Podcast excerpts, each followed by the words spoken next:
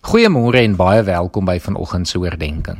Vanoggend wil ek met jou praat oor 'n moeilike en 'n ongemaklike geloofsgewoonte, maar een wat indien ons dit toepas, ons werklik vrymaak en een wat noodsaaklik is binne die liggaam van Christus.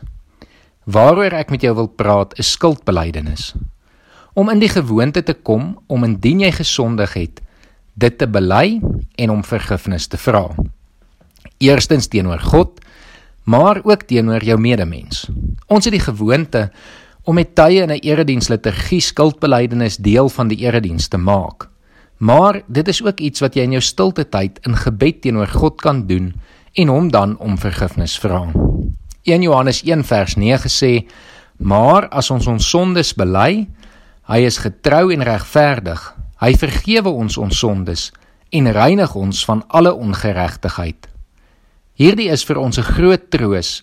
Ons weet dat God 'n God van genade is wat in sy liefde ons maklik vergewe. Ongelukkig het ons sondes dikwels ook effekte op ons medemense. En daarom kan ons nie net die gewoonte hê om teenoor God ons sondes te bely en hom om vergifnis te vra nie. Ons moet dit ook doen teenoor die wat ons seer gemaak het. Ons moet bely en erken dat ons weet ons was verkeerd teenoor die spesifieke persoon en ons moet dan jammer sê oor ons gedrag. Die Bybel gaan egter nog 'n stap verder wanneer dit kom by skuldbelydenis. Die Bybel sê vir ons ons behoort ook ons sondes teenoor ons gemeenskap van gelowiges te bely. Ons behoort ons sondes teenoor mekaar te bely.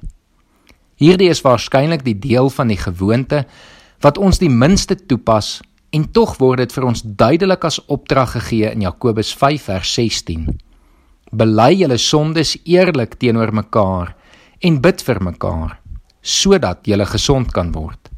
Dit is baie duidelik dat ons nodig het om ons sondes teenoor ons medegelowiges te bely sodat hulle vir ons kan bid en ons deur die Gees vrygemaak kan word van ons sondes.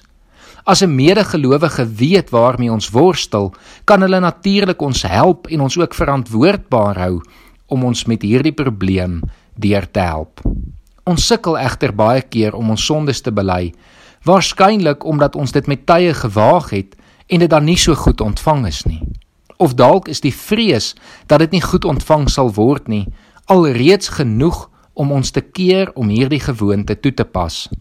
Daarom is dit so belangrik om die opdrag van gebed hier nie mis te kyk nie. Indien iemand hulle sonder teenoor jou bely, behoort jy vir hulle te bid. 'n Vertrouensverhouding is natuurlik ook hier baie belangrik. En miskien kan jy hiermee begin teenoor een persoon wat jy wel vertrou. Dalk jou mentor om jou sondes teenoor een persoon te bely wat saam met jou daaroor kan bid en jou kan help om dit te oorkom. Die belofte wat saam met hierdie gewoonte en opdrag kom, is soos ek aan die begin gesê het, beslis die moeite werd sodat jy gesond kan word. Hierdie gewoonte help ons om vry te kom van ons sondes, om daarvan te genees en dan in die vryheid en genade waartoe God ons geroep het, te leef. Kom ons bid saam. Here, dankie dat U vir ons die vrymoedigheid gee om ons sondes teenoor U te kan bely. Te kan erken dat ons dikwels verkeerd optree, besig is met dinge wat ons nie meer besig moet wees nie en praat op 'n manier wat nie by Christene hoort nie.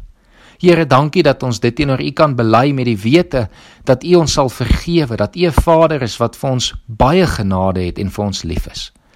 Maar Here, U weet dat hierdie ook nodig is om teenoor medegelowiges te bely. En Here, vanoggend kom erken ons dat dit dikwels vir ons moeilik is. En daarom kom vra ons dat U ons sal help om iemand spesifiek oor ons pad te stuur wat ons vertrou en teenoor wie ons wel kan bely waarmee ons sukkel, waarmee ons worstel, sodat ons op hierdie manier mekaar kan help en uiteindelik 'n gesonde liggaam van U sal wees. Ons bid dit in Jesus se naam alleen. Amen.